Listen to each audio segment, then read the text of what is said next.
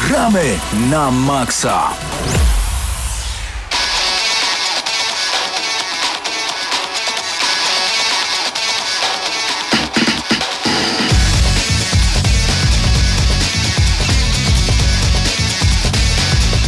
No i zaczynamy audycję Gramy na Maxa y, razem ze mną.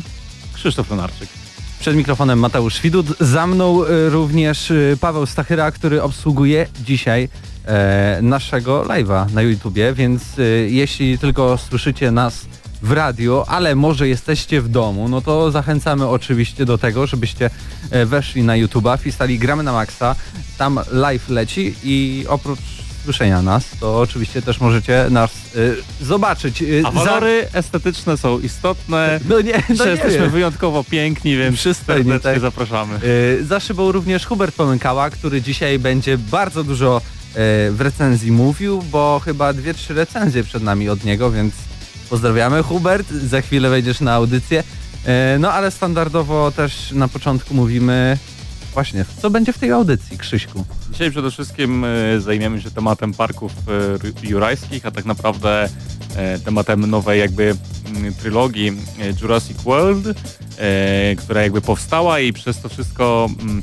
przez to, że istnieje, czyli mamy film Jurassic World, Jurassic World Fallen Kingdom, który teraz jest w kinach, powstała nowa gra z serii Tajkunów w świecie parku jurajskiego pod tytułem Evolution i dzisiaj przede wszystkim z Pawłem Stachyrą e, zrecenzujemy dla Was tę grę, a także mimo tego, że e, te oba produkty, zarówno film jak i gra się jakby wzajemnie promują, to przy okazji przedstawimy Wam naszą opinię na temat filmu, bo e, część z nas, a właściwie 75% z nas tutaj w studiu na tym filmie w kinie już była. Czyli oprócz mnie oczywiście, jako jakby słabego bywalca Poza kin. tym spora część recenzji od Huberta, e, gier na mm, Nintendo Switch, m.in. Sushi Striker The Way of Sushido, a także pojawi się recenzja Huberta mm, Dark Souls Remastered. Czy pojawi się, e, czy pojawi się wrażenie z Octopath?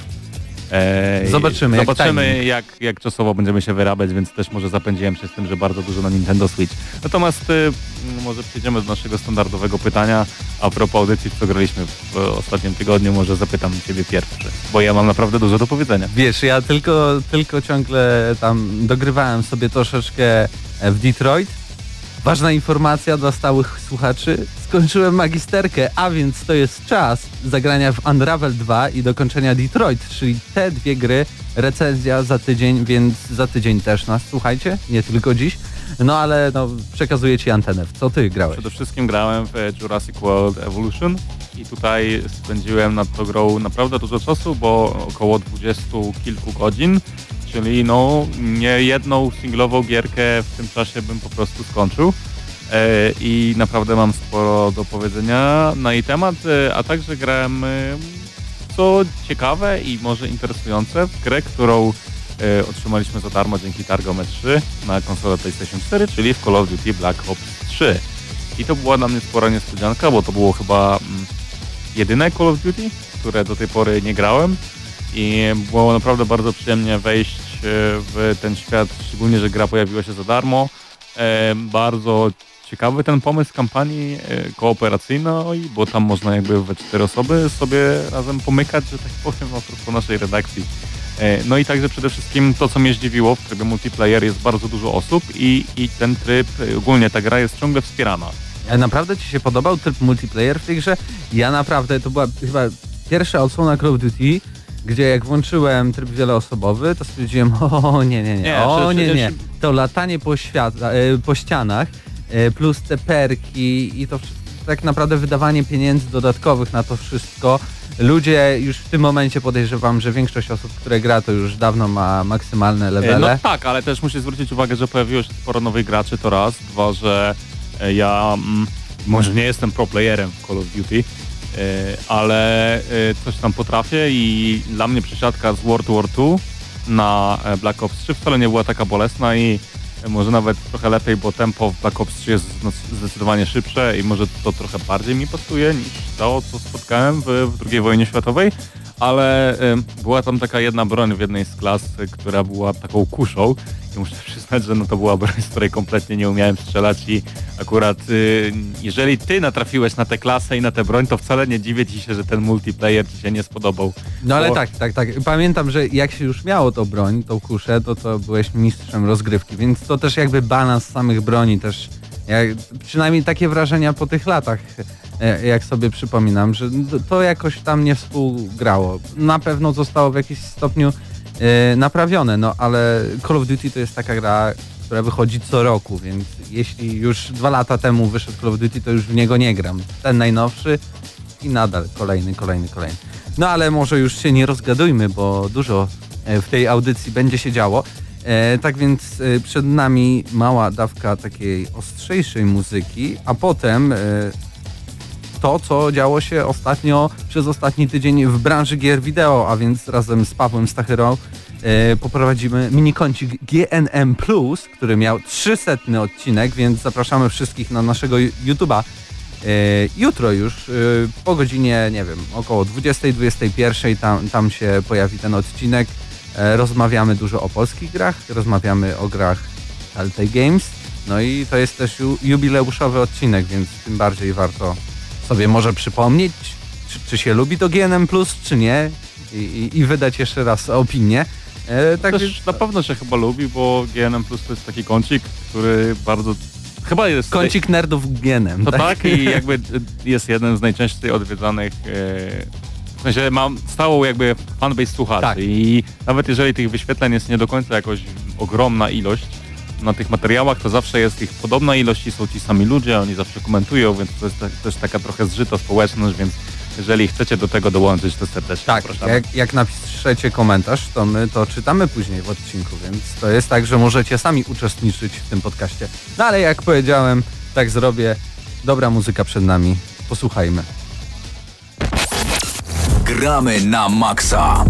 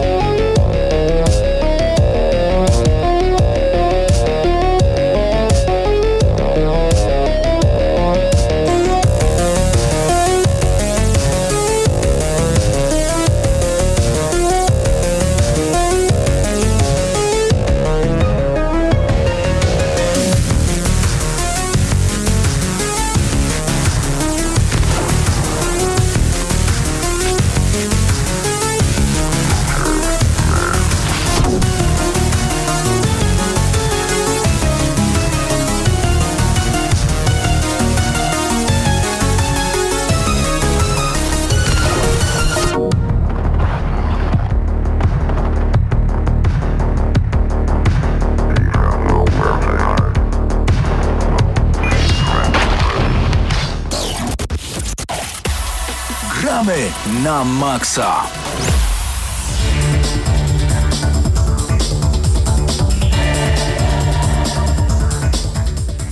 No i jak podobała się nutka z Far Cry 3 Blood Dragon? Pograłoby się, co? Tak, Trochę. pograłoby się. Najlepiej pograłoby się w jakiś sequel do tego, bo to był chyba najlepszy spin-off e, Far Cry, jaki wyszedł. W ogóle chyba moja ulubiona odsłona od... Najlepszy Dwójki. Far Cry oprócz jedynki. I dwójki.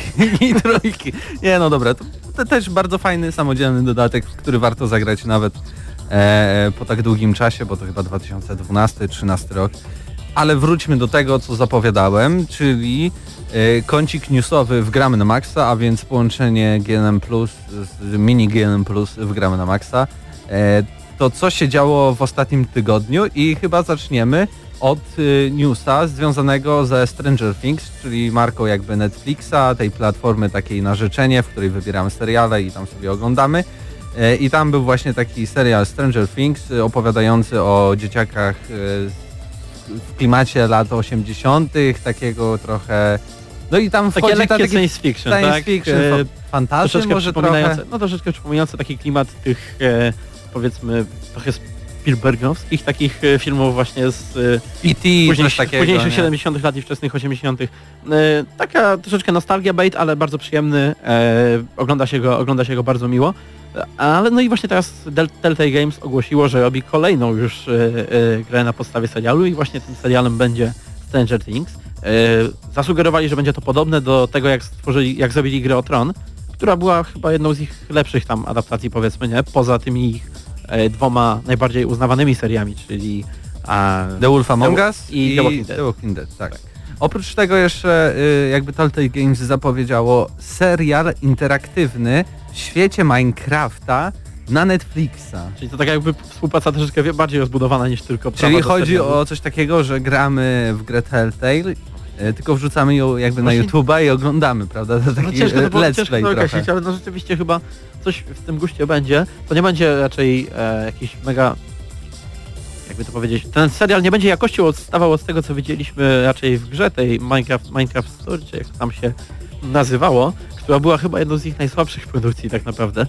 A, ale, ale, ale jestem ciekaw, jestem ciekaw, bo to nie jest, to nie ma wyglądać jak jakaś taka typowa gra, tylko właśnie to ma być coś, że na zasadzie takiej, że e, podejmujemy decyzję i powiedzmy przewijamy sobie do jakiegoś momentu, tak? E, Takie Było nawet na YouTubie tej- kilka takich y, filmików, w których po prostu na koniec wybieraliśmy zakończenie i Znaczy, przechodziliśmy no, jest do cały, dalszych cały oddzielny podgatunek jakby filmów na YouTubie do, do, do tego e, poświęcony. Nie wiemy kiedy oczywiście się pojawi standardowo, jak w przypadku. Telltale Games y, Stranger Things gra. Oni to e, mają chyba ogłoszonych tak na ten moment. Dużo, dużo rzeczy, bo Pięć, na przykład projektów. y, The Wolf Among Us sezon drugi już od wielu, wielu lat miał się pojawiać. No i znowu powiedzieli, że dopiero w 2019 najprędzej y, w ogóle jakiś pierwszy odcinek trafi e, na konsolę. Jeśli chodzi o Stranger Things, to też zadebiutuje najpierw na konsolach, później dopiero się pojawi na komputerach osobistych. I jeśli dobrze pamiętam, to tyle, jeśli chodzi o ten temat. Ale ty masz coś o Battle Royale, więc teraz szybki taki wycinek, żeby nachajpować dziewięciolatków. No. Nie, nie, nie można obrażać fanbazy tej e, szanowanej gry, natomiast e, chodzi mi o to, e, pojawiła się taka dziwna sytuacja, gdzie e, Fortnite teraz pojawił się, zdaje się, na, na, Xbox, na Xboxie One, jest też na Switchu, albo będzie dopiero co, i na platformach, mobil, na platformach mobilnych, więc generalnie jest już wszędzie. Śmiano się ze Skyrima, ale jemu takie wchodzenie do lodówki zajęło te parę dobrych lat, oni to zrobili w rok. E, I, I skoro ta gra jest teraz w każdej lodówce, mm, ludzie chcieli korzystać z e, tej fajnej funkcji, jaką jest crossplay, to znaczy granie pomiędzy poszczególnymi platformami, więc dotychczas na przykład e, gracze PC-towi mogli spokojnie grać sobie z graczami um, z PlayStation 4, natomiast teraz e, dalej mogą powiedzmy grać ze sobą gracze na wszystkich platformach, również na mobilnych z, z innymi platformami, poza Sony. Na Sony dalej możemy pograć tylko i wyłącznie z mm, z PC-tami i co ciekawe, to nie jest e, jakiś tam problem powiedzmy e, ogólny, to znaczy brak zgody pomiędzy wszystkimi firmami. Z tego co wychodzi, to jest tylko i wyłącznie decyzja Sony i ich polityka, co spotkało się z bardzo dużym takim jakby oporem ze strony graczy. Co gorsza, oni zaczęli się tłumaczyć, że są, że chcą tam dostarczyć najlepsze wrażenia. No wiesz, wiecie, No standardowe... bo wiesz, jak masz Xboxa gadanie. czy Nintendo, no to w ogóle z czym do czego? To jest PlayStation iPhone'a. 4, to jest y, PC, a reszta to się w ogóle nie liczy. To tam nie ma prawdziwej y, rozrywki, rozgrywki, Tak. nie ma niczego. Oczywiście sobie żartujemy, natomiast no, Sony dostało duże jakby duże uderzenie e, ze strony PR-owej. Teraz, teraz e, ten, ta burza jeszcze, jakoś tam trwa, więc myślę, że za tydzień będziemy wiedzieli jak to się skończy, ale, ale no trochę przykro, bo jednak m, to jest taka gra, że mm, jedną z jej dużych zalet jest to i jakby powodów jej popularności jest to, że mogliśmy grać niezależnie od tego, jak, jaką platformę posiadaliśmy i na czym sobie e, pogrywaliśmy. No, ale to w ogóle chyba nie jest y, tak naprawdę pierwszy taki przypadek, bo było kilka takich gier, które pojawiały się na Xboxie i na PC i nawet twórcy jakoś tak zrobili, że przez jakiś czas dało się pograć między graczami Xboxowymi i, i PlayStation 4, no ale później zostało to zablokowane, w ogóle twórcy też dostali karę, więc... No tak, Sony, Sony przede wszystkim, e, tutaj była ta gra, mm, się nazywało Rocket League. To była Tak. ta wielka, wielka, wielki indyk Chciałem z- powiedzieć, ale nie tak, byłem pewien, czy to, z piłką o to chodziło. I też to była ze strony Sony decyzja, ażeby zablokować tutaj crossplay. Xboxiarzy. tak naprawdę. No nic, y, więcej informacji tak naprawdę nie mamy. Y, Pojawiło się dużo szczegółów dotyczących gier prosto z E3, no ale to tak jakbyśmy kontynuowali E3, które już chyba od tygodnia tak naprawdę nie działa, bo ono chyba do, środy było, No tak, tam do e, czwartku. Generalnie jak chcecie się dowiedzieć trochę więcej na temat e, dwóch polskich gier, czyli Dying Light 2 oraz Cyberpunka 2077, to zapraszamy do Gramy na Maxa mm, Plus, Plus właściwie, który pojawi się pewnie jutro Tak, tak, około już, już 21 mówiłem. na YouTubie. 300 odcinek. Warto, naprawdę warto. No a my przechodzimy teraz do recenzji i porozmawiamy trochę o jedzeniu. Czyli Sushi Striker.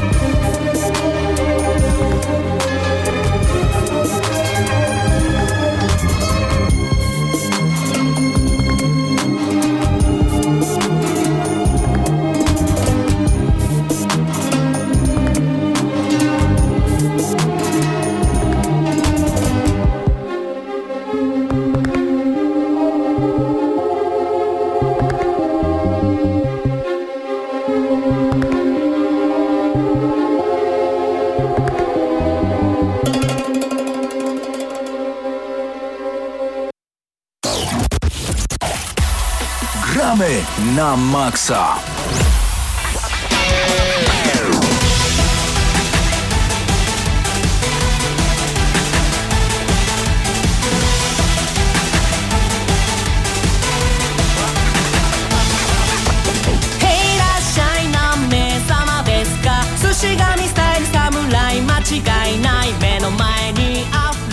No i zaczynamy. Sushi Sushi Striker. I razem ze mną y, Hubert Pomykała. Ty grałeś w tą wspaniałą grę na Nintendo Switch. Mam nadzieję, że w ogóle nasz live nie zostanie zablokowany, bo to muzyka z gry na Nintendo. Nintendo wszystkich blokuje, więc to raz się żyje, nie? Zawsze możecie nas słuchać na 89,9 FM, więc zapraszamy. Hubercie, co to za gracz? Dlaczego było warto? Dlaczego tyle zrobiłeś sushi? I czego uratowałeś y, ten świat dzięki temu sushi? Czy powinniśmy zacząć jeść sushi, żeby żyć wiecznie? E, Sushi Striker The Way of Sushido to jest gra bardzo dziwna. No nie będzie odkryciem, jeśli powiem, że producentem i wydawcą jest Nintendo i gra jest wybitnie japońska. Wyszła na 3DS-a i Nintendo Switcha. I słuchajcie, opowiem wam na początku o fabule. Wybieracie sobie postać, chłopca albo dziewczynkę, w obu przypadkach ma na imię Musashi i dowiadujecie się o dwóch frakcjach, które toczą bój w świecie owładniętym rządzą sushi. Imperium chce całe sushi dla siebie i żeby ludzie głodowali, natomiast e, re, e, Rebelia chce, żeby sushi było dawane wszystkim porówno i żeby ludzie nie głodowali, ponieważ okazało się, że sushi ma em, w sobie potęgę, prawdziwą moc i, i w całej krainie żyje mnóstwo stworków, które, nie, nie wiem jak one się konkretnie nazywają, każdy ma imię, zaraz o tym powiem, e, mnóstwo stworków, którzy specjalizują się w robieniu sushi. W sensie naprawdę, po prostu w pewnym momencie Musashi na samym początku gry napotyka Jinraya, to jest pierwszy z stworków, których poznajemy, przy okazji druga postać, która e, mówi coś często w e, scenkach fabularnych. Jinrai podobno ma jakąś wielką moc i daje mu skosztować swoje sushi. No, główny bohater Musashi był, ja grałem chłopcem, był bardzo głodny, no to chętnie to sushi zjadł. Mimo, że był świadomy tego, że jego tata i mama pojechali na wojnę i z tej wojny nie wrócili nie wie, czy wrócą. Więc ym, fabuła rozpoczyna się tak, że Musashi jest głodny i kilka dzieci dookoła niego również jest głodnych, ale on gdzieś idzie nazbierać owoców, które są niesmaczne. W międzyczasie jakiś jego przeciwnik y, mu te owoce zabiera i wtedy pojawia się Jinrai dając mu te sushi. On na początku nie chciał zjeść, ale zjadł i dzięki temu Jinrai dał mm, Musashiemu kurteczkę, która pokazuje mu, że jest on To teraz wszystko jest skomplikowane. To jest że on japońska jest gra. teraz No. pro, profesjonalnym tak zwanym sushi strikerem, czyli powiedzmy obrońcą sushi. No, nazwijmy to w bardzo wolnym tłumaczeniu na No ale co, co robimy w tej grze? Mm, Jak wygląda się- rozgrywka? Rozgrywka to jest tylko i wyłącznie taka minigierka, która równie dobrze mogłaby się pojawić na e, smartfonach, mimo że no, gra wyszła i na 3DS-a i na Switcha.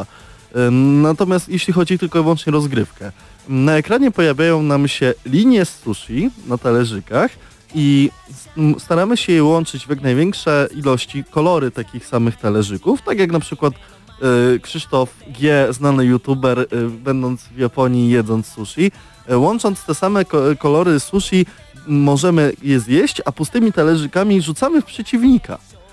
Eee, brzmi to bardzo No skomplikowanie i bardzo Tetris. bez sensu. Tetris z elementami wojennymi. Coś takiego, to jest całkiem dobre porównanie, albo raczej gra w kulki. Jeśli kojarzycie, żeby łączyło się kulki, wielokrotnie graliśmy w, e, w mnóstwo wersji tej, tych gier. No taki Candy Crush Saga, Candy Crush nie? Saga. Tylko, że później tymi kulkami rzucamy w przeciwników. E, tak, tylko no nie do końca Candy Crush, ale wiecie o co chodzi.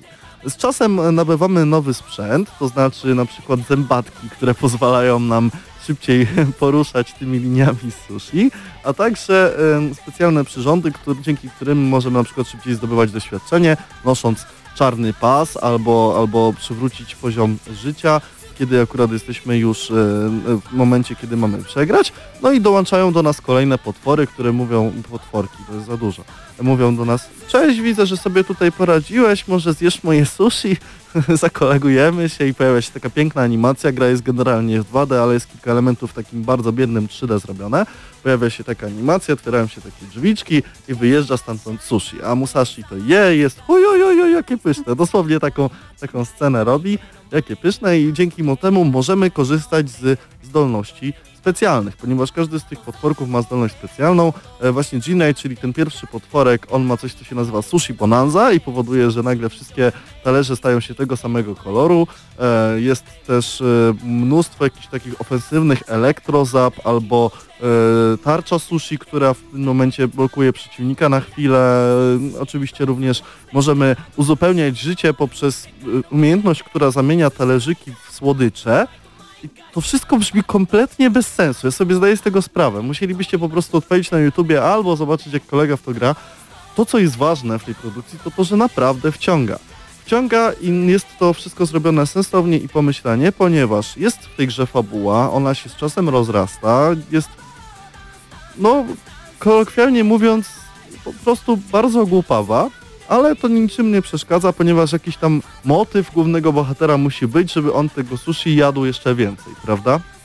Więc e, poruszając się od jednego punktu do drugiego na naszej mapie i przechodząc z jednej lokacji do drugiej, tam na początku jesteśmy e, w wiosce, później trafiamy do, do takiego wulkanu, e, jeszcze do innych lokacji, w każdej oczywiście jest boss, nie będę zdradzał jaki, nam w jednej jest, mogę powiedzieć, umieściony generał, w innym jest e, księżniczka, która ma fioletowe włosy i każdy, mu, każdy mówi do siebie Prinvesta i tak mówią do jej podwładni, więc gra jest wybitnie japońska e, pod każdym względem. Natomiast wciąga, tym bardziej, że każda rozgrywka zajmuje w zależności od naszego poziomu, e, nie wiem, ogarnięcia gry i tego jak nam się układa, półtorej do dwóch minut. Więc e, każdą scenkę fabularną, która jest przed każdą misją, możemy pominąć na szczęście, bo inaczej bym nie szlak trafił, mówiąc brzydko, ponieważ już kiedy się wkręcimy w ten gameplay wszystko jest bardzo szybko, ponieważ z czasem po prostu rozgrywka niesamowicie przyspiesza i musimy ogarniać na bieżąco to, co się dzieje na ekranie, po prostu gdybym oglądał za każdym razem wszystkie scenki fabularne, to y, straciłbym to tempo i bym się y, wycofywał. Ale to jest też tak, że y, chcemy powracać do tej gry, czy tylko jak siądziemy, okej, no to wciągnęło mnie, ale na drugi dzień, no, no dobre, tam i tak to samo się robi, zbiera te kulki, znaczy sushi, y, łączy w różne pary, później tam się wyrzuca i tak dalej, ulepsza się te, te linie su- sushi owe I, i tyle tak naprawdę w tej grze. Ja powiem zupełnie szczerze, gry jeszcze nie ukończyłem. Czytałem, że jest na jakieś 15 godzin. Ja spędziłem w grze 7 godzin ponad.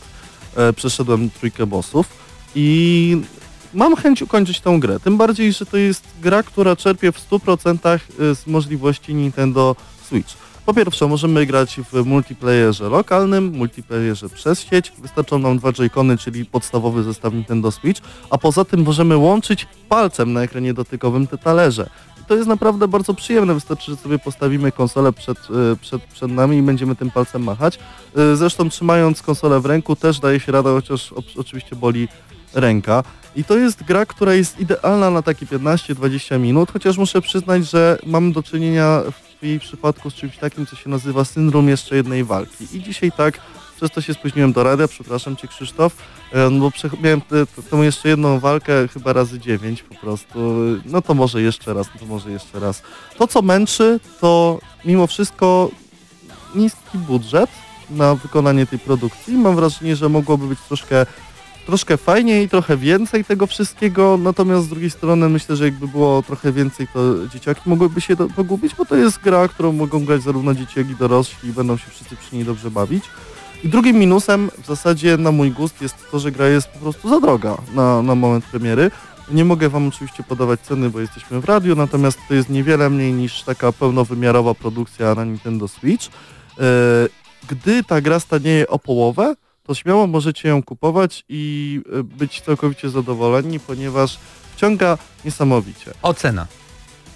E, 7 na 10, 7,5 na 10 dam, ponieważ mimo wszystko e, podoba mi się ta głupota, która się tam pojawia z czasem po prostu za każdym razem łapię się za głowę i myślę sobie, jejku, co ci scenarzyści wymyślili? oj, oj. Jest, jest naprawdę zabawnie, jest naprawdę przyjemnie i można pograć ze znajomymi zarówno przy innej kanapie, jak i przez internet. Y, Ja to tylko spuentuję trochę w inny sposób i specyficzny dla siebie. Czekam na sequel, który będzie się nazywał Kebab Striker The Way of Kebabito. I myślę, że wtedy na pewno bym zagrał w taką produkcję. Chciałbym jeszcze na koniec powiedzieć, że kopię dostaliśmy od e, Conquest Entertainment i dziękujemy za to, że mogliśmy sobie tę grę zrobić. Jak najbardziej. No i ja was zostawię tutaj z tą przepiękną muzyką z Sushi Striker.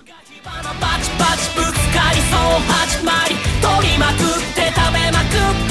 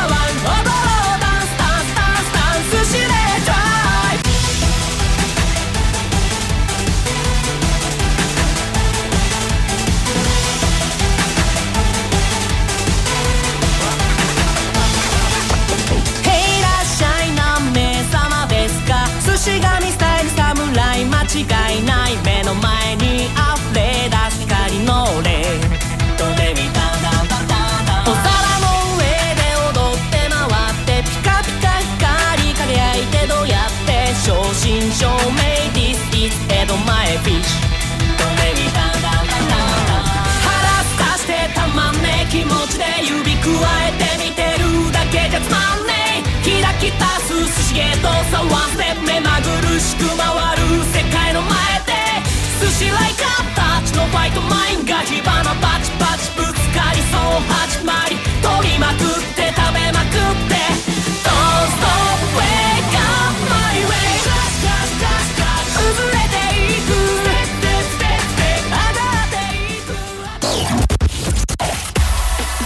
Gramy na maksa.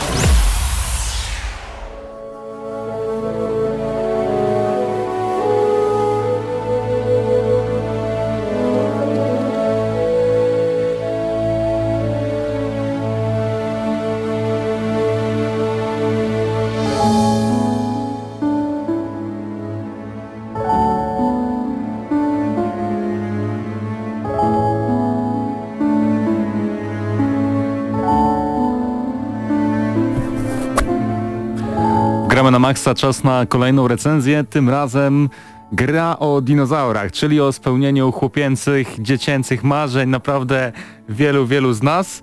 Gra, która jest może to jest za wcześnie na wniosek, ale trochę e, remasterem e, je- jednej z gier z tej serii, która pojawiła się kilka lat wcześniej. A mowa oczywiście o Jurassic World Evolution, które wyszło kiedy, Pawle? Tydzień temu. E, około 12, 12 mm, Wyszło dokładnie czerwca. wtedy, kiedy sk- kończyły się konferencje na E3. Tak. E, więc jakby, wtorek. jakby twórcy gry chcieli trochę skorzystać z hype'u, który pojawił się przy okazji targów. No i cóż, e, z racji tego, że jest to recenzja, na początek chciałbym się ciebie zapytać, czym tak naprawdę jest Jurassic World Evolution. To jest e, symulator budowy parku jurajskiego, co się generalnie wydaje takim e, pierwszym pomysłem na grę, który przychodzi przy takim, przy tym świecie, tak? Bo tak naprawdę mm, samo jakby marzenie stworzenia działającego parku to na pewno zawsze jest jakiś tam, jakaś tam ciekawa podstawa do gameplayu. No i to jest e, też próba zrobienia troszeczkę takiego remake'u e, dosyć niekoniecznie bardzo znanej, ale na pewno kultowej gry e, Jurassic Park Operation Genesis, która w 2000 zdaje się drugim albo trzecim roku wyszła i, i właśnie oferowała nam e, na PC-tach oraz na Xboxie możliwość e, tworzenia własnego parku.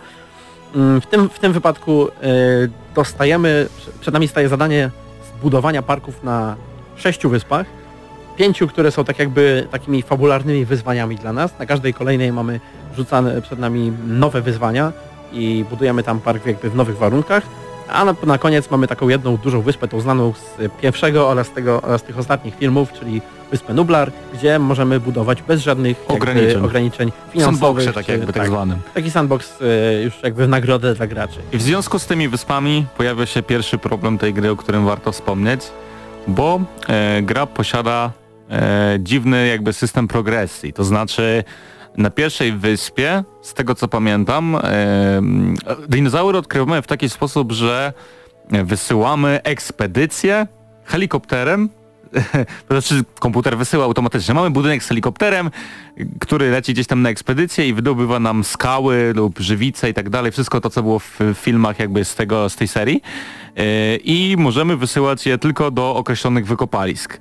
Nie możemy wysyłać e, ich po inne gatunki w momencie, gdy nie mamy odblokowanej innej wyspy, to znaczy nie mamy budynku z helikopterem na innej wyspie. Tak, inny, innymi słowy, e, każda kolejna wyspa pozwala nam odblokowywać coraz więcej gatunków, coraz lepsze technologie i jakby mm, bud- zaczynając budować na nich parki, jakby e, sami jakby do- dodajemy sobie dodatkowe, dodatkowe jakby możliwości technologiczne. To znaczy jest bardzo skomplikowany system progresji, Nie wiem, czy to jest taki skomplikowany, jest po prostu powolny. To jest Y, problem, że on ma Tak, to jest jego największy tempo. chyba minus i wielu naprawdę, wiele osób nawet na Steamie recenzując tę grę ma z tym problem i ja też, bo pamiętam, że na pierwszej wyspie bodajże startujemy z czteroma, czterema dinozaurami. Cztery mamy odblok... Nie, no, no tak, na początku mamy e, genom czterech dinozaurów, ale pod koniec tej wyspy możemy już tam przynajmniej kilka e, naście gatunków e, stworzyć. Ja wiesz co, ja nie mam wielkiego problemu jakby z samym faktem, że kolejne gatunki są odblokowywane w ten sposób. Problem jest taki, że e, odblokowujemy je piekielnie wolno. Em, ta gra momentami e, zachowuje się trochę jak takie gry mobilne, w których na Tak, przykład brakuje wysyłamy, tylko y, mikropłatności, żeby Tak. można było Właśnie nie ma tutaj od, od razu odblokować te dinozaury i budynki i te, tak dalej. te, te wykopaliska jakby zachowują się trochę jak lootboxy. E, Nie mamy co prawda tutaj ograniczeń, nie musimy za nie płacić, więc niby to jest w porządku, ale sam system jest piekielnie irytujący, ponieważ e, odkrywamy powiedzmy kości dinozaura. Musimy mieć przynajmniej 50% jego genów, żeby go stworzyć. Co, Jednak A też jest to dziwnie zrobione, bo na przykład e, dinozaura możemy wykluć, że tak powiem, w centrum Hammonda e, w momencie, gdy ma 50%, ale to odblokowanie genomu do 50% trwa bardzo szybko, a od 50 do 100 trwa bardzo wolno. To teoretycznie jest dobre, ale też e, no, trochę denerwuje I z- później. I pamiętajmy, że im mniej mamy genomu, tym mniejszą mamy szansę, że uda nam się takiego dinozaura wykluć. Ale to też jest nie do końca prawda, bo gdy mamy 100% danego dinozaura, to też potrafi on jakby... Nie, jeżeli jest 100%, to na pewno tak. Nieprawda. Chyba, że Nieprawda, go bo na- miałem taką sytuację. miałem taką sytuację, gdy genom, e, gdy wiele z dinozaurów, e, gdy genomy moich dinozaurów miały 100% i właśnie niektóre kosztują bardzo dużo, jak 4 miliony. Mogłeś trafić na baga, mi się wydaje, chyba, że modyfikowałeś genetycznie, ale to dobrze, no to Być mm, może to było związane sprawa z wygląda tak, że właśnie mamy tutaj szansę na to, że nam się dinozaur urodzi, jeżeli się nie urodzi, możemy stracić duże pieniądze, ale pieniądze jako sama kwestia tutaj warstwa mm, ekonomiczna też nie są wielkim problemem w tej grze. Na każdej kolejnej wyspie jakby dostajemy inicjalne jakieś wyzwanie, które rzeczywiście potrafi nam, mm, trochę nas tutaj pociągnąć za kieszeń. To znaczy na przykład y, na czwartej wyspie mamy malutko, mało miejsca bardzo, mamy dosyć duży budżet, ale tego miejsca jest, jest tak malutko, że ciężko nam, ciężko nam zbudować tam jakiś funkcjonujący dobrze park. I tutaj wyzwaniem jest właśnie przetrwać te kilka pierwszych tygodni tak Ale naprawdę. też nie wspomniałeś a propos wyzwań o jednej rzeczy, że mamy trzy frakcje. No to myślę, że przejdziemy. Płynnie chciałeś przejść, E, to może już powiem, jak już zacząłem. Mamy trzy frakcje e, odpowiadające za bezpieczeństwo, naukę i, i jakby entertainment to jest nie, Rozrywka. rozrywka na tym parku i jakby oprócz e, tych misji głównych, które misji głównych, które daje nam każda z klas, możemy wykonywać szereg misji pobocznych dla tych klas, co zwiększa nam ich respekt i odblokowuje nowe budynki i różne unlocki. Tam typu, nie wiem, że możemy wykopywać szybciej na, na, na, na tych wykopaliskach wcześniej wspomnianych. Tak, generalnie, generalnie każda wyspa ma dla nas e, kilka nowych rzeczy do odblokowania, właśnie tutaj, czy to technologicznych, czy nawet dinozaury i tak dalej. I e, mamy też takie właśnie, tak jak wspomniałeś, duże misje fabularne, ale one są zablokowane troszeczkę. Musimy najpierw uzyskać odpowiedni respekt u e, danej z tych dywizji, u jednej z tych dywizji. Mm, respekt zdobywamy wykonując te misje poboczne, o których mówiłeś. Problem z tym, że te misje poboczne, tak zwane kontrakty, działają troszeczkę jak e, losowe questy w grach Bethesdy, to znaczy e, one Aż są tak jakby składane... oceniasz? Dużo bardziej. Otóż one są składane z e, przypadkowych elementów, takich jakby losowych. Nie ma tak, że dywizja, powiedzmy ta mm, e, bezpieczeństwa oraz dywizja rozrywki dają nam jakieś inne, inne rodzaje questów. To są te same questy, tak samo losowane. Czasami są super łatwe, to wystarczy powiedzmy dodać ulepszenie do budynku i skończyć je. A innymi, innymi razy mamy zadania, które są niemożliwe do wykonania, ponieważ na przykład e, Nie ktoś od nas wymaga... Tak.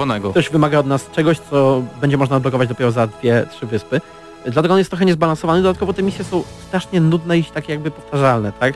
Więc tak naprawdę spamujemy tym i doda- dodatkowo nie możemy ich jakby brać ciągle. Mamy, możemy trzy na raz wziąć i musimy czekać kilka minut pomiędzy kolejnymi. Co prawda gra nam mówi o tym, że mniej niż minutę, ale w- wewnętrzny zegar w grze też jest dosyć mocno zepsuty, ponieważ ilekroć widzimy mniej niż minutę, możemy się spodziewać dwóch, trzech minut oczekiwania. A też a propos tych misji, mm, ostatnia chyba rzecz warta wspomnienia jest taka, że jeżeli ich nie wykonujemy, to poziom naszego respektu spada i em, te trzy jakby dywizje, e, że tak ujmę, są w stanie sabotować nasz park. To znaczy, gdy coś im nie odpowiada na, na bardzo niskim poziomie, to potrafią nam, nie wiem, wyłączyć prąd w stacji, potrafią zatruć dinozaury, żeby, mm, żeby karmniki dla dinozaurów nie dostarczały jedzenia i tak dalej, co y, jakby nasila pewien problem tej gry, to znaczy jest bardzo dużo w, pewnym momencie mikrozarządzania, gdy nasz park jest dość Takiego mocno... denerwującego mikrozarządzania. Dokładnie, zaznaczyć. dokładnie. Takiego denerwującego Denerw- mikrozarządzania, które gdy nasz park jest dość duży i e, rozbudowany, momentami jest bardzo nieprzyjemne i takie dla niektórych graczy e, zrozumiale, zrozumiale odrzucające, bo den- mnie na przykład denerwowało, gdy, gdy miałem sabotaż co chwilę stacji, yy, moja elektrownia jakby ciągle wysiadała, przez to yy, moje ogrodzenie elektryczne też nie działało, później yy, no i tak dalej, i tak dalej, różne budynki nie działały, nie mogłem wykonywać ba- badań, nie mogłem wykonywać progresji. To się łączy z innym problemem, a mianowicie wszystkie te wyspy są dosyć małe. Y, Co prawda ta ostatnia powiedzmy y, je- jest porównywalna z tym, co mieliśmy w Planet Coasterze. Problem w tym, że te, to nie są takie proste mapy, że mamy powiedzmy trochę płaskiego terenu i na tym sobie budujemy. To jest zawsze taka mm, dziwaczna, mm, dziwaczne, dziwaczne korytarze, jakieś e, powiedzmy góry, które nam blokują w środku mapy, powiedzmy budowanie.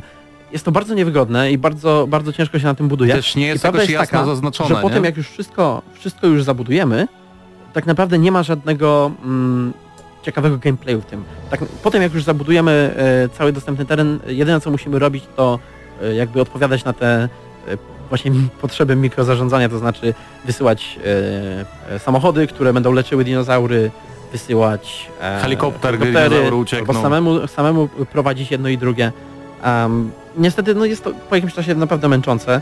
E, dodatkowo ta ostatnia wyspa, która miała nam obie, której twórcy obiecywali nam dużo większy teren, Wcale ma, taki ma nie jest. porównywalny teren z e, tą wyspą Sorna, tylko że po prostu zbity w jedną e, całość i też tak naprawdę nie ma już motywacji na tym etapie, żeby dalej grać, bo, bo jak już wszystko odblokujemy i za darmo to mamy, to tak naprawdę nie ma żadnego wyzwania, zostają nam tylko te e. Ale może przejdźmy do jednej rzeczy, o której nie mówiliśmy, a o, której, o którą tu chodzi.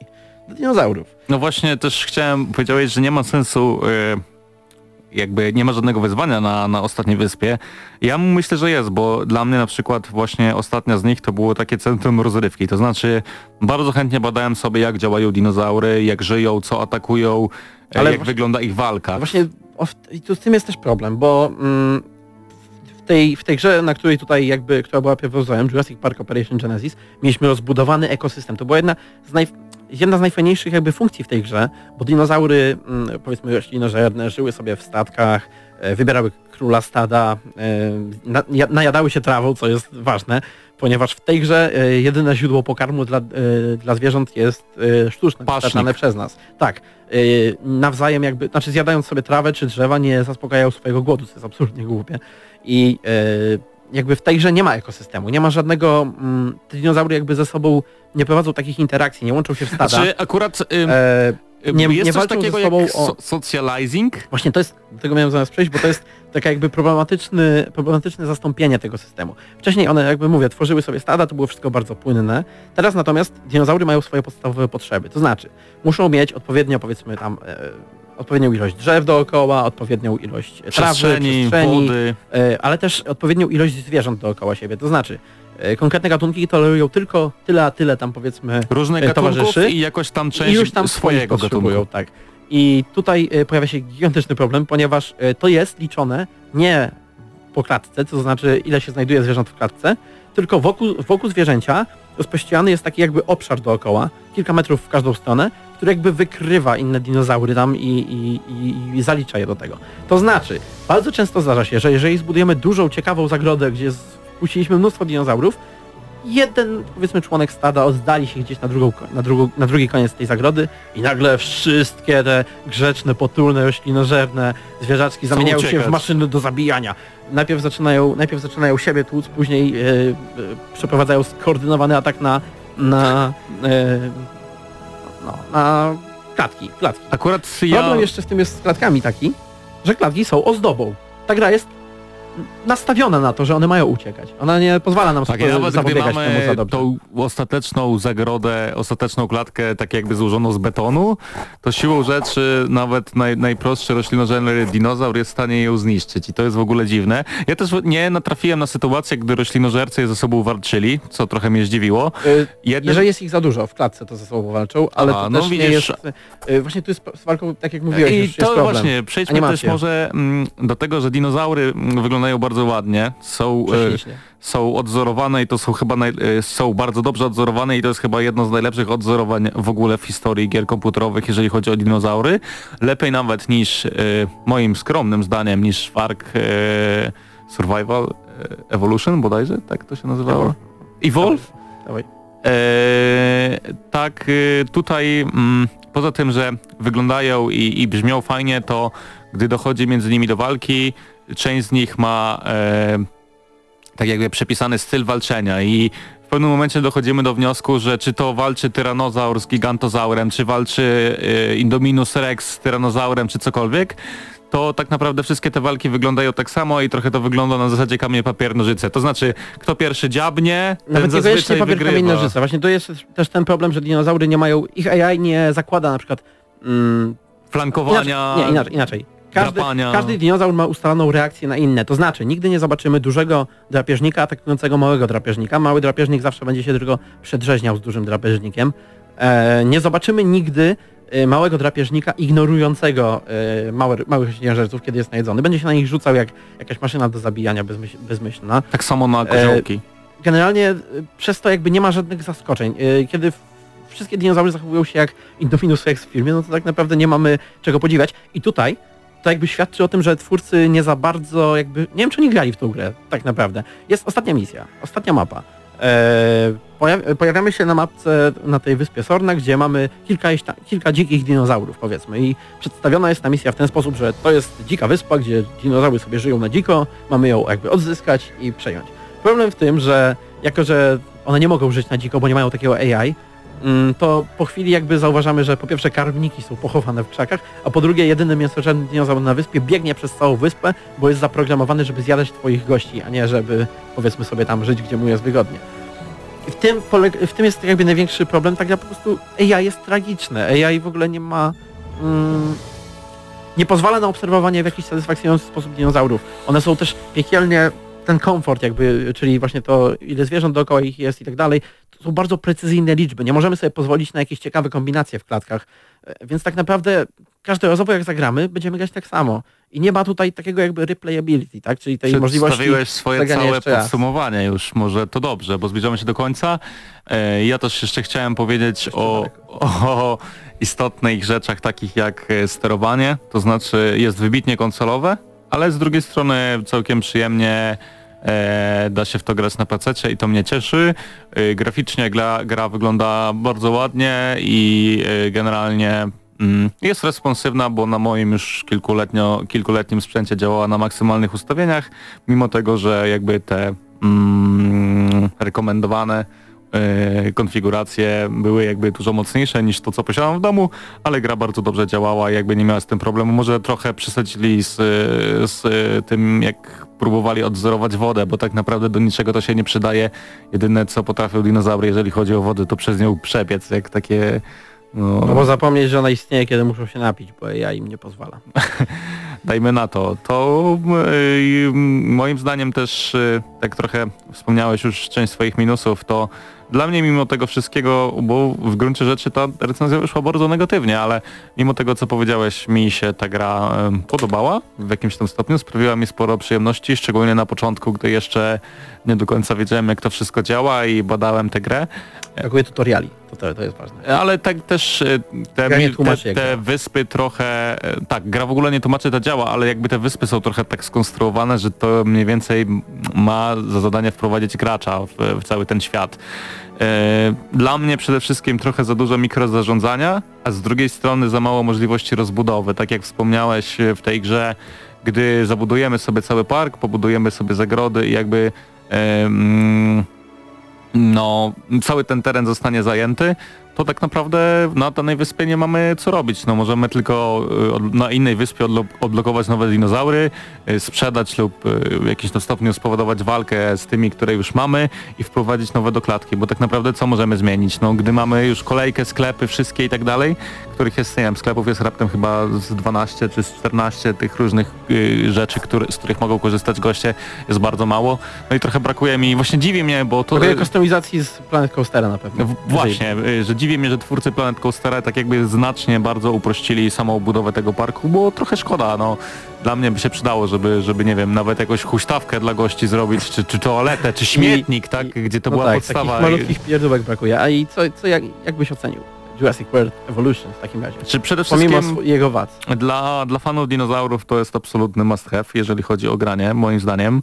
E, dla fanów spragnionych, takich prostych tajkunów, gdzie tak naprawdę e, niewiele od nas wymagają, to e, mm, niewiele od nas wymagają, to e, to jest gra dla nich, bo e, w tej grze odnajdzie się każdy, zarówno 8-latek, 10-latek, 40-latek, 50-latek i tak dalej.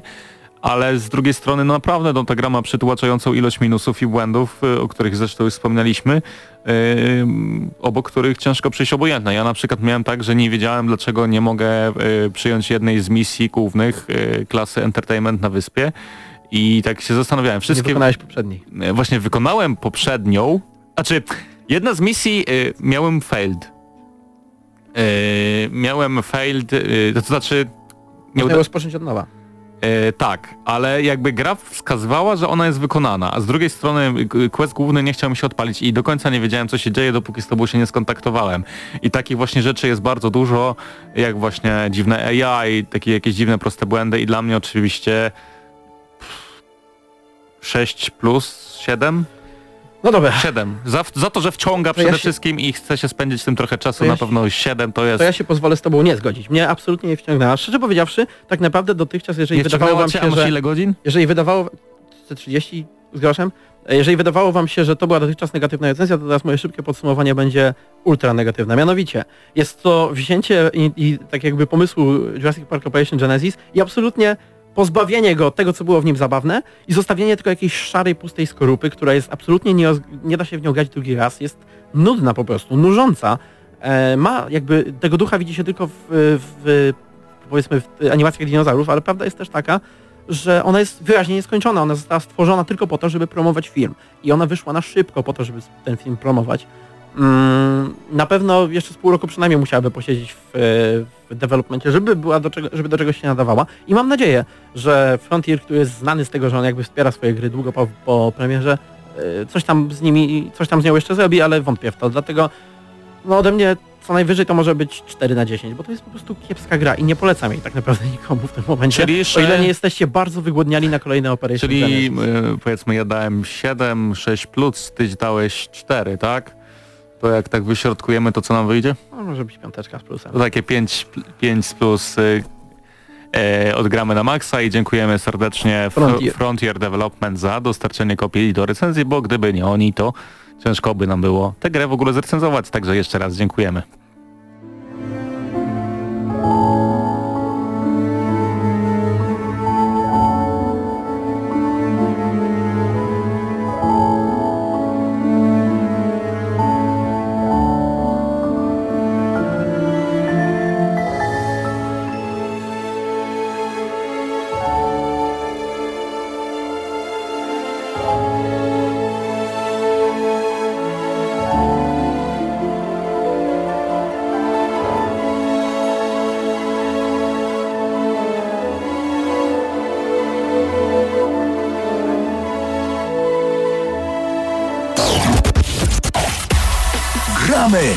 Na maksa.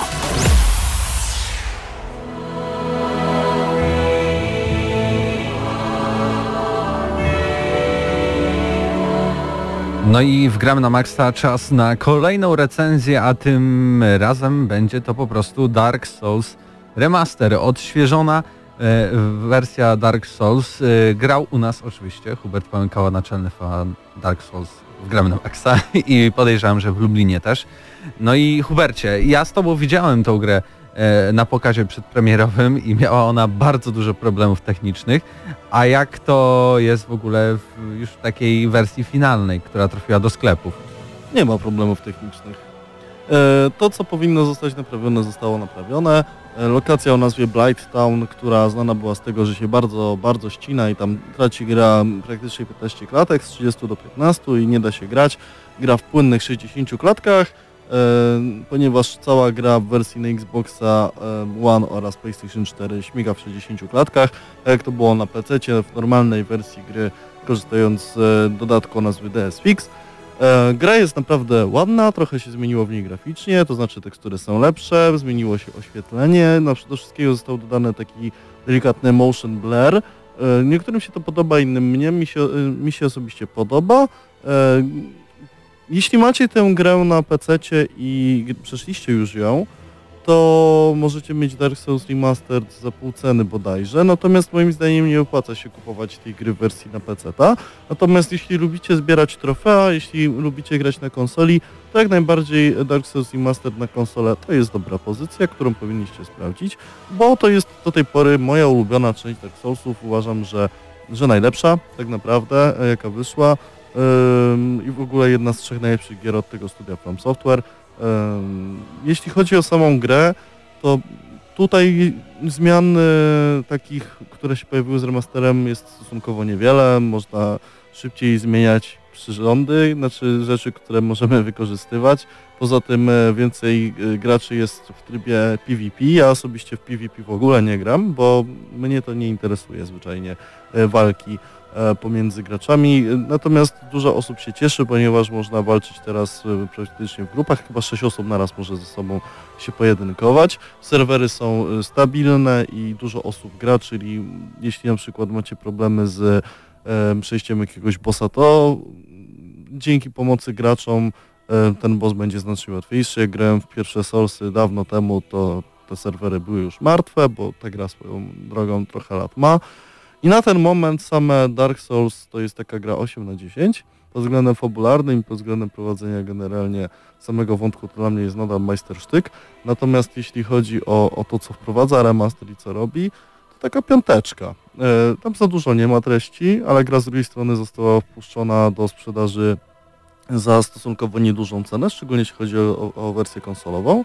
To jest połowa. E, takiej dużej gry, Mhm. troszeczkę więcej, ale to jest, to jest, e, to jest nadal taka cena, którą można śmiało wysupłać, szczególnie jeśli się nie grało w, tą, w tę grę. E, Ja nawet się zastanawiałem, czy sobie nie kupić. Cieszę się, że Cenega Poland dała nam kopię do recenzji, za to dziękujemy. E, I muszę przyznać, że już nie skończę na pewno tej gry, bo już skończyłem dwa razy, mi to wystarcza. Ja nie jestem w ogóle graczem, który kończy, kończy gry więcej niż raz zazwyczaj.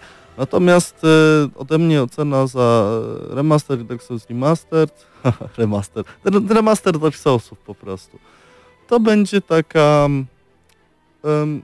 biorąc pod uwagę cenę, możliwości graficzne, to, że gra się nie zacina, to dam ósemkę mimo wszystko. W sensie sam remaster bardzo niewiele wprowadza, ale gra się nadal bardzo przyjemnie i ym, mimo, że graficznie się ta gra mocno zestarzała, to warto ją sprawdzić. 8 na 10 gramy na maksa. Dziękujemy Cenega Poland jeszcze raz za kopię do recenzji.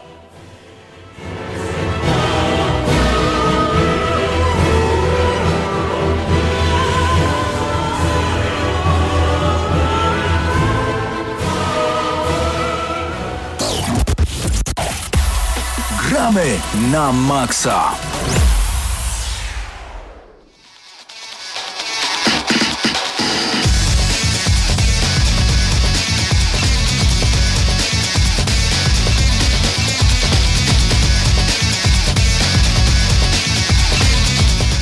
No panowie, to była bardzo, bardzo, bardzo, bardzo, bardzo Treściwa. treściwa audycja. Tak. Dużo treści, dużo informacji. Dużo recenzji. Tydzień temu mało E3 muzyki. mieliśmy. Tak. A tam coś się udało wysupłać tak naprawdę. Mieliśmy muzykę z każdej z praktycznie recenzowanych gier. W ogóle połączenie, zaczynamy od jakiejś zwariowanej gry, w której robimy sushi na Switcha, później gramy w grę PC-tową. To jest gra konsolowa, wydana w Polsce tylko na konsolach, zapomnieliśmy w ogóle wspomnieć. No dobra, ale jakbyś... To jest grą PC-tową, owszem. No, raczej jest z myślą o PC-tach y, tworzona i w ogóle o dinozaurach, a później przechodzimy do jakiejś odnowionej wersji gry, która wyszła W 2011. Nigdy bym nie pomyślał, Dawno że... temu w trawie. nigdy bym nie pomyślał, że siadając do recenzji gry o dinozaurach powiem, że to jest... Teraz wracamy na ziemię, bo potem usłyszałem o tym sushi. No Tak. widzisz, widzisz, da się, da się. E, tak jak mu mówiłem na początku tej audycji, w przyszłym tygodniu prawdopodobnie recenzja Detroit Became Human, e, Unravel 2. Unravel 2 Wrażenia z Octopath Traveler, mam nadzieję, z Mateuszem Stanowiczem. i, I jakieś gry wideo. i jakieś gry wideo właśnie, bo, bo coś jednak wychodzi. Będziemy kombinować. Będziemy kombinować. Czekamy na Red Dead Redemption 2. I, I wtedy my... O, A wam życzymy miłego mundialu. Oczywiście. Mniejszego niż dotychczas. Tak. Trzymajmy kciuki w niedzielę, bo to będzie mecz o, o, o wszystko. Wszystko. A gramy na maksa jest zawsze i się nie poddaje. Już, Ale co wtorek? już kur... wiecie ile lat? 12. Ha! No, w tym roku 12, 12 rocznica nam. Ale to tak trochę jakby śmierci zabrzmiało. Nie no, 12 w tym roku. istnienia, tak, 12 lat. Y, Jeszcze, jeszcze 6 lat i będziemy pełnoletni i zagramy w gry dla dorosłych. No tak To naprawdę. będzie Cyberpunka jak wyjdzie. No właśnie, właśnie, tak będzie. Dobra, koniec, koniec śmiesz, śmieszków, koniec audycji. E, zapraszamy na naszą stronę internetową gramy na stronę e, Radia Free i też na nasz e, kanał YouTube, gdzie zapis audycji live, który był dzisiaj, z poprzednich tygodni, recenzje, podcasty GNM+, no dużo tam tego jest. Zapraszamy, a to było Gramy na Maxa. Słyszymy się za tydzień.